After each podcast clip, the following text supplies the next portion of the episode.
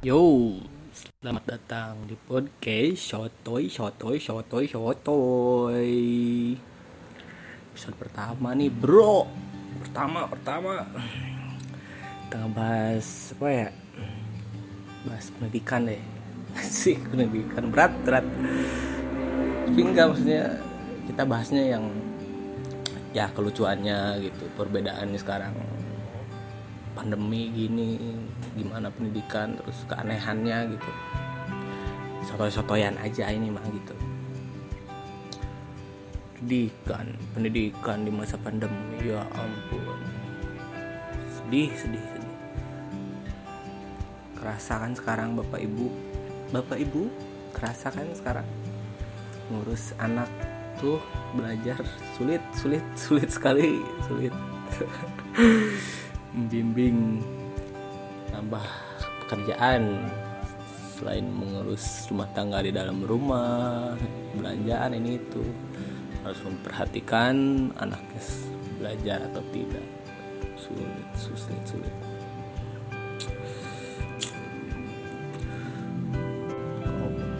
Virtual gini susah tuh sekarang kan. Nemu anak-anak yang rese gitu yang cepu yang suka cepu gitu. Yang misalnya si gurunya tuh kan masih PR gitu pertemuan berikutnya si gurunya lupa. Si kampret ini nih yang suka cepu ini suka tiba-tiba celetuk aja. Bu PR-nya dikumpulin sekarang bu. Nah, gitu tuh si, kampret si cepu. Ada banyak yang itu ada aja tuh yang di kelas. Iya ada aja tuh yang di kelas yang gitu tuh. Nggak ada yang benar-benar seragam gitu yang silent aja udah gitu. Ada aja pasti. Nggak tahu kenapa ada aja gitu. Gue kan dulu belum pernah ya ngerasain kayak gini ya gitu. Dari TK mungkin dari TK sampai kuliah tuh belum pernah nih belajar dengan metode yang kayak gini tuh. Gue aja yang metodenya tatap muka gitu yang bisa tanya jawab dengan guru lebih efektif gitu bukan berarti nggak bisa juga sekarang virtual tapi lebih efektif kan gitu. Lebih enak aja gitu kalau tetap langsung kan sekarang kan ya kurang lah keefektivitasnya gue aja yang tetap muka gitu otaknya tuh segini gitu. Blow on aja gitu. Apalagi sekarang yang nggak tatap muka ya. Ya mungkin ya gue aja kali yang blow on tapi ya sa gimana aja gitu. Kurang lah kurs bro kurs. Tapi gue mikirnya tuh sekolah pasti senormal yang di sekolah ya. Pasti ada dua tipe sekolah nanti. Yang gitu yang sekolah yang virtual sama yang tatap muka gitu. Dan yang pastinya lebih mahal yang tatap muka dong. Orang disertai resiko terkena corona lah guru-guru dan staf sekolahnya mempertaruhkan badannya loh itu dan keselamatan jiwa. Doi. Waduh sulit sulit sulit, eh tapi nanti juga Juni apa Juli ya dibuka tuh tetap muka. Bakal ada keluhan juga tuh di anak-anak pengen seragamnya baru. Karena ya gimana badannya pada melar-melar? Mau melar nggak melar gimana? Di rumah bisa belajar sambil ngemil makan gitu harus istirahat dulu gitu makan sambil itu ya bisa sambil juga gitu. Bisa dikombo pula kan. Tiduran belajar dan sambil ngemil gimana gimana melar kan? Ya Allah kasihan bet. Orang tuanya nambah dana tak terduga. Buat beli baju seragam. Plus naik kelas nanti minta lagi yang baru. Tekor wajib tekor. Tapi pas nanti tetap muka juga kita harus benar-benar prepare ya. Temen gue mah ketinggalan pensil bisa minjem buku LKS bisa bareng-bareng minjem ke, ke teman sekarang mah waduh apalagi yang parnoan itu waduh. Lu nggak bawa pensil minjem boy. Ya dikasih harus minimal harus bekal sanitizer lah gitu udah minjem biar bisa semprot semprotin gitu. Yang udah dipinjemnya gitu pensil semprotin lagi.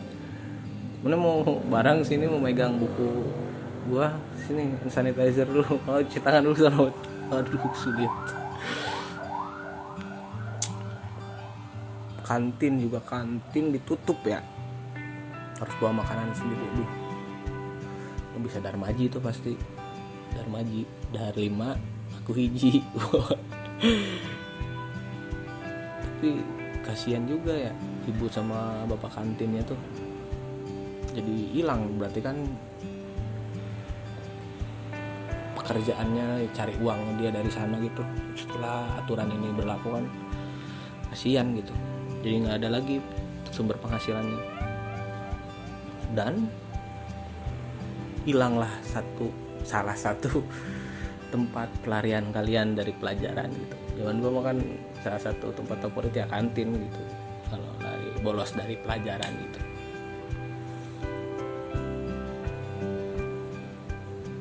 Terus kalau virtual gini kan nggak ada juga mungkin yang rajian rambut ya gimana? Cowok-cowok.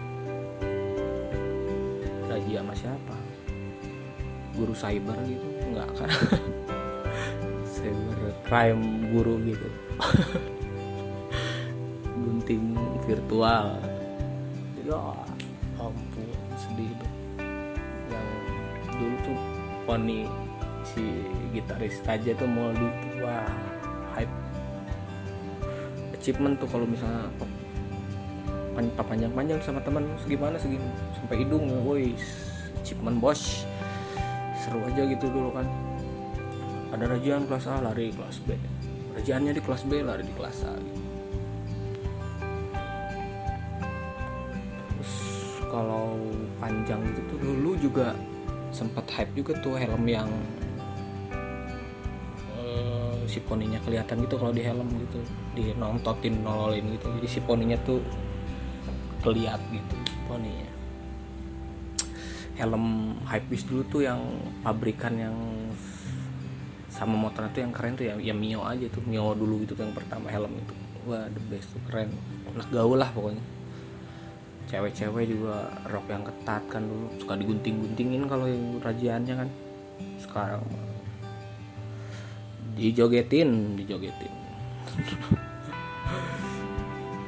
Cupang sekarang hype lagi kan cupang tuh. Cupang ikan. Dulu mah cupang juga hype tapi bukan cupang ikan. Cupang yang di leher-leher gitu. Itu tuh apa ya e, keren lah gitu kalau ke temen. Aja gimana cupang siapa nih? Cupang waduh.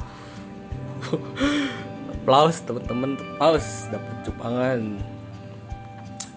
Oh, sekarang masih gak sih? Kayak di sekolah tuh suka ejek-ejekan gitu. Ejek-ejekan.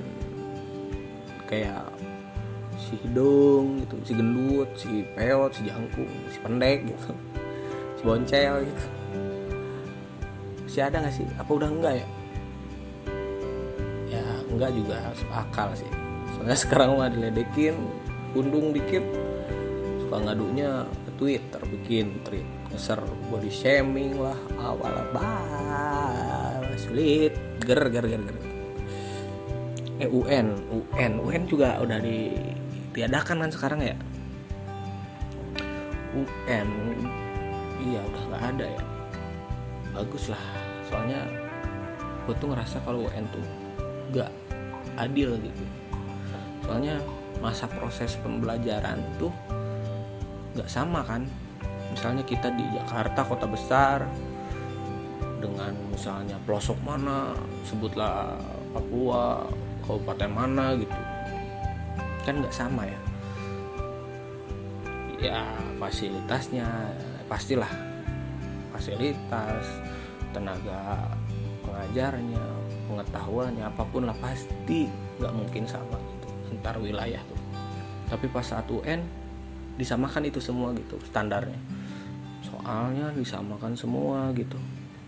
Padahal saat proses pembelajaran kita belum nyampe ke situ tapi kita harus disamakan dengan kota-kota besar gitu pas UN ngerasa nggak adil aja. Padahal kan yang tahu si muridnya itu potensinya gimana ya sekolah itu sendiri gitu. Tidak nggak susah kalau di standarin nasional karena ya tidak meratanya yaitu fasilitas penunjangnya fasilitas pengajar dan sebagainya. Ya bagus lah karena yang harus menentukan kelulusan atau potensinya ya sekolah itu sendiri emang bagus gitu menurut gua mah. Yang sotoy ini yang sotoy yang sotoy gitu tapi UN cuman gua tuh kan selalu pastilah nggak mungkin nggak pasti ada aja yang ngebocorin soal UN kan tiba-tiba ada aja soalnya kunci jawaban. Itu itu kan ranah pekerja mungkin salah satu ranah pekerjaan yang ada uangnya gitu ya dulu. Sekarang hilang tuh pasti. Sedih banget sedih. Minjem uang minjem minjem duit lah. Kiri deh. Biasa proyekan tahunan bocoran UN sekarang tidak ada tidak ada. Kayak upacara. Sekarang masa virtual. Masa virtual gini upacara gimana? Sendiri sendiri nggak seru.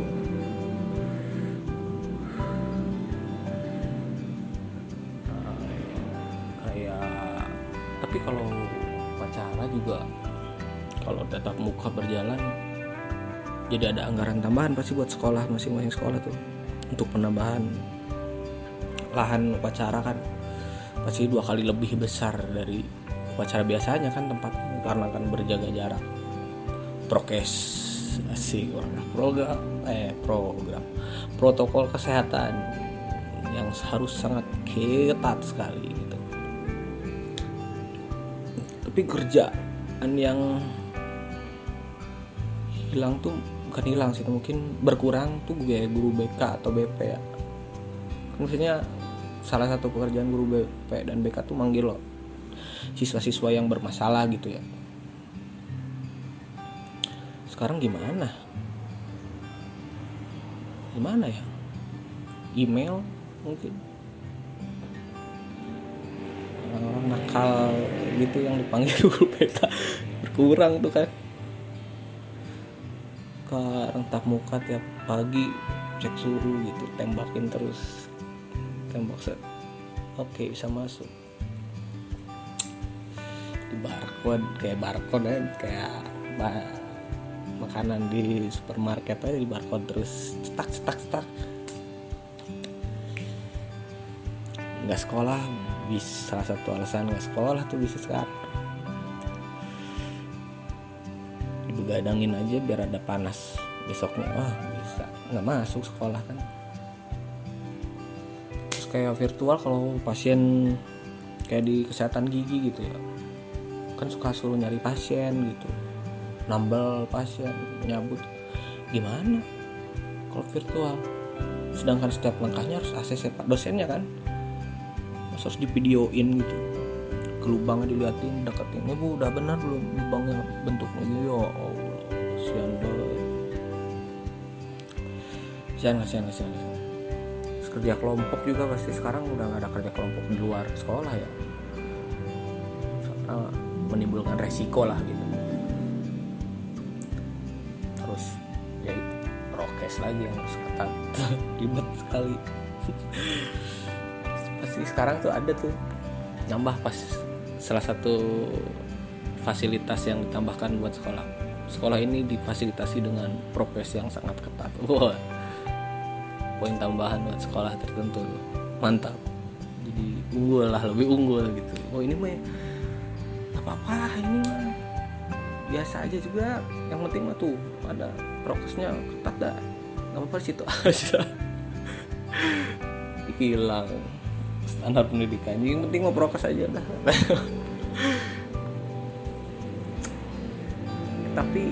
udah ideal belum sih menurut kalian yang mendengar? Asik yang mendengar. Siapa aja yang mendengar uh, pendidikan di Indonesia ini? Udah ideal nggak sih? Kata gue sih belum ya. Ya nggak sih? Ya ini mah kesotoyan gue aja gitu. Ini mah kan podcastnya juga podcast sotoy kan soalnya gue sempat mikir gini kenapa institusi pendidikan perkuliahan atau sekolah gitu nggak bertanggung jawab gitu atas anak didiknya ya? Setelah mereka lulus gitu maksudnya. Ya idealnya tuh kan harusnya ada anak didik mereka tuh pekerjaannya tuh ditanggung jawabkan kepada institusi yang mendidik dia gitu. Ya kan? Iya gak sih? Jadi kayak sok we gitu itu mau urusan lo eh gitu urusan mana we gawe di mana? Orang mah cuman mengajar mengajarkan unggul gitu. Udah itu mah ya sok we gitu. Ya kan buat udah bayar tuh gitu. Ya diarahkan gitu kan ditempatkan gitu ditempatkan dan situ kalian uh, berjuang lagi gitu sama yang mau bekerja lagi gitu minimal gitu kan tidak langsung masuk juga ditempatkan tas itu sok di situ berjuang lagi gitu.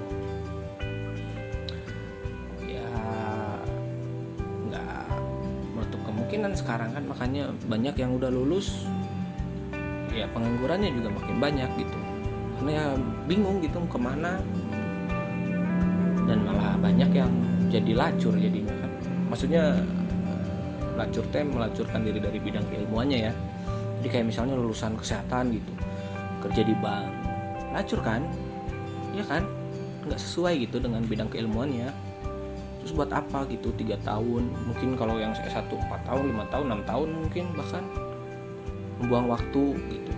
Sampai yang pasti membuang biaya dong banyak loh yang gitu banyak banyak banyak. Berarti kan terbukti gitu. Dunia pendidikan teh tidak mampu menjanjikan masa depan si anak didiknya gitu apalagi menyediakan lapangan pekerjaannya gitu. Aneh kan? Aneh lah jelas. Terus yang lucunya tuh pas lulus gitu orang-orang sekitar tuh nanya gini mau kerja di mana? gitu. Lah orang mikirnya kenapa jadi gitu? nanyanya. Seakan-akan emang sudah lumrah gitu pertanyaan itu padahal itu pertanyaan secara langsung kayak emang kita nyuruh jadi pegawai gitu. Buruh lah gitu jadi emang kita dicetak untuk menjadi pekerja gitu bukan jadi bos gitu. Kuliah teh kita emang jadi pabrik membuat pabrik untuk pemburuh-buruh banyak gitu. Jadi bangsa buruh lah jadinya gitu nanti. Yang parahnya kita tuh jadi buruhnya tuh di negara sendiri lagi dan yang bosnya negara batur dong negara asing. Yang lebih ngerinya tuh sampai ada anak bangsa yang ngerasa bangga gitu dia bekerja di perusahaan asing dengan gaji yang besar gitu. Tapi dia teh lupa bro. Bahwa dia teh lupa kerja di negaranya sendiri. Di bosinnya oleh negara asing gitu. Harusnya kan bangsa asing itu mungkin ya yang harusnya gitu gajinya malah harusnya dapat lebih kecil gitu dibanding kita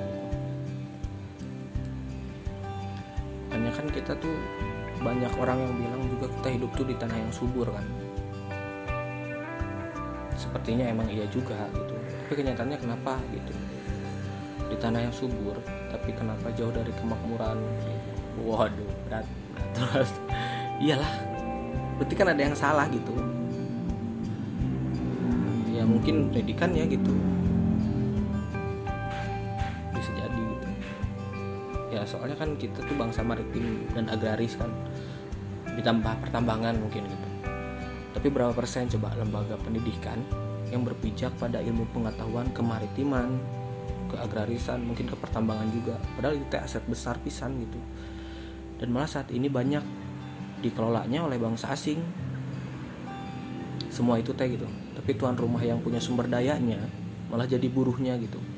Besar loh itu kayak emas perak tembaga uranium batu bara gitu lain-lain lah gitu sebagainya. Terus tambah pertanian yang kita tuh ditunjang dengan iklim yang sempurna juga gitu tanah kita subur tuh iklimnya sempurna gitu. Menurut gua gitu di Indonesia tuh ditunjang dengan iklim yang sempurna gitu. Jadi seolah tuh nggak bisa memanfaatkan dengan baik gitu sama kita tuh gitu. Ya mungkin kita tuh termasuk gua juga gitu. Ya kenapa gue bisa bilang gitu ya? Soalnya masih ada aja gitu yang kelapa minimal perutnya aja gitu kelaparan lah gitu. Bukan beli mobil rumah gitu. Yang lain-lainnya gitu minimal perutnya aja gitu. Masih ada tuh yang kelaparan. Padahal kan kasarnya hampir tiap kota tuh kita hampir mempunyai gunung tiap kota hampir ya dan sekaligus berarti kan gunung dan lahan pertaniannya kan? Dan itu bisa jadi sumber kita gitu. Kan seolah-olah nggak bisa memanfaatkan itu dengan baik gitu. Ini kenapa gue bahas di podcast yang sotoy ini? Uh, karena ya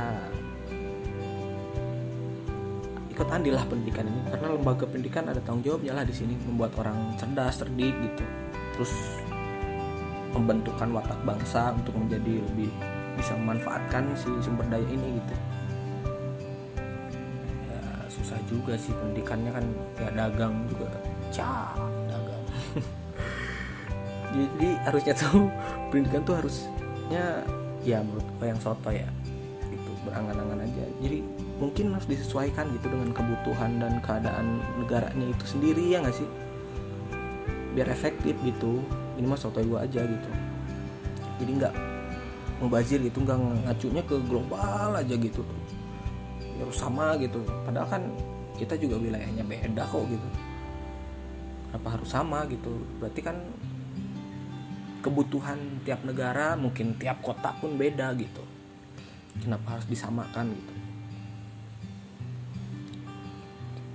Di sini bukan berarti menghilangkan pelajaran-pelajaran yang umum juga kayak misalnya uh, kayak umum kayak matematika bahasa Inggris enggak enggak enggak ngilangin itu juga gitu. Tapi lebih ke apa ya bobot bobot. Nah ya bobotnya mungkin dikurangin gitu. Misalnya 80% betul-betul berdasarkan potensi negaranya gitu yang dibutuhkan di negara itu mungkin kota itu. 20 persennya nah baru buat menjawab kebutuhan internasional gitu. Ya mungkin bisa aja tiap kota ada lembaga institusi pendidikan sendiri gitu yang melahirkan sarjana sesuai potensi kotanya gitu. Contoh aja kayak misalnya kota Subang lah. Subang kan terkenal dengan ganasnya ganas buah ya bukan ganas war. War. Nanas kayak kebun teh gitu. Bisa aja itu kan diperdalam karena mempelajari itu gitu. Bisa aja mungkin nanasnya bisa jadi uh, pengobatan ini itu itu kosmetik apa pun gitu begitupun tehnya juga gitu. Dan gak harus malu dengan sarjana nanas sarjana teh itu. Apa yang salah kan? Negara kita tuh banyak banyak penyedia banyak. Kita tuh punya gitu punya banyak penyedia bahan baku gitu sebenarnya mungkin kita tuh penyedia bahan baku salah satu penyedia bahan baku terbanyak ya untuk dunia mungkin. Iyalah bisa jadilah. Tapi anehnya kita kok sebatas penyedia bahan baku aja gitu. Lalu si bangsa kitanya malah jadi buruh gitu dari si pengelola bahan bakunya. Ya pengelola bahan baku maksudnya ya negara asing gitu. Berarti kan kurang pendidikannya tuh tentang pengelolaan bahan baku yang kita punya ini kan gitu yang punya industrinya malah barang malah bangsa asing. Aneh banget dah. Aneh aneh aneh. Harusnya kan bangsa kita bangsa mungkin bisa disebut bangsa juragan mungkin. Malah bukan jadi bangsa buruh kan gitu. Ini bukan semuanya jadi buruh juga gitu. Mungkin maksudnya kebanyakan gitu. Ada ada juga yang jadi juragan ada. Cuma ya ya let's say hanya beberapa persen maksudnya. Dan kalau mau justru dan kalau mau justru ya tenaga asing gitu mungkin yang datang ke sini mengemis gitu istilahnya mencari pekerjaan gitu. Toh kita yang punya sumber dayanya sumber daya alamnya kan bahan bakunya kita yang punya gitu. Ya kayak kita aja contohnya kayak TKI gitulah yang dikirim ke luar negeri gitu. Tapi eh TKI teh derajatnya teh mengkhawatirkan pisan eh. kita bisa memproduksi sumber daya kelas 1 gitu dikirim keluar eh kita mau kelas yang 2 3 mungkin yang nggak layak pakai mungkin gitu. Ironis bray ironis ironis. Susah sih karena beberapa ya banyak juga. Banyaknya yang menuhankan gelar kan. Ya apa-apalah otaknya nggak adaan juga gitu. Bukan keadaan keadaannya ngerti lah. Maksudnya ya cara pikirnya gitu. Nggak ada juga nggak apa-apa lah. Penting mah punya gelar aja gitu malah ada tuh yang ada ada loh. Ada yang misalnya dia nggak sekolah di situ dia bisa beli ijazahnya aja gitu. Ada itu ada. Tapi ya kita juga nggak bisa nyalahin ke orang itu juga gitu. Karena ya emang ada salah satu standar poin yang sangat berpengaruh ya itu dulu gitu ijazah gitu. Emang itu kan soal mari kita renungkan bareng-bareng. Atau tertawakan gitu. Ya apa ya mungkin itu aja ya. Bahasan kali ini gitu tentang pendidikan. Kelucuan keanehan gitu kejanggalan tentang pendidikan. Sampai ke ya sampai ketemu di episode lainnya.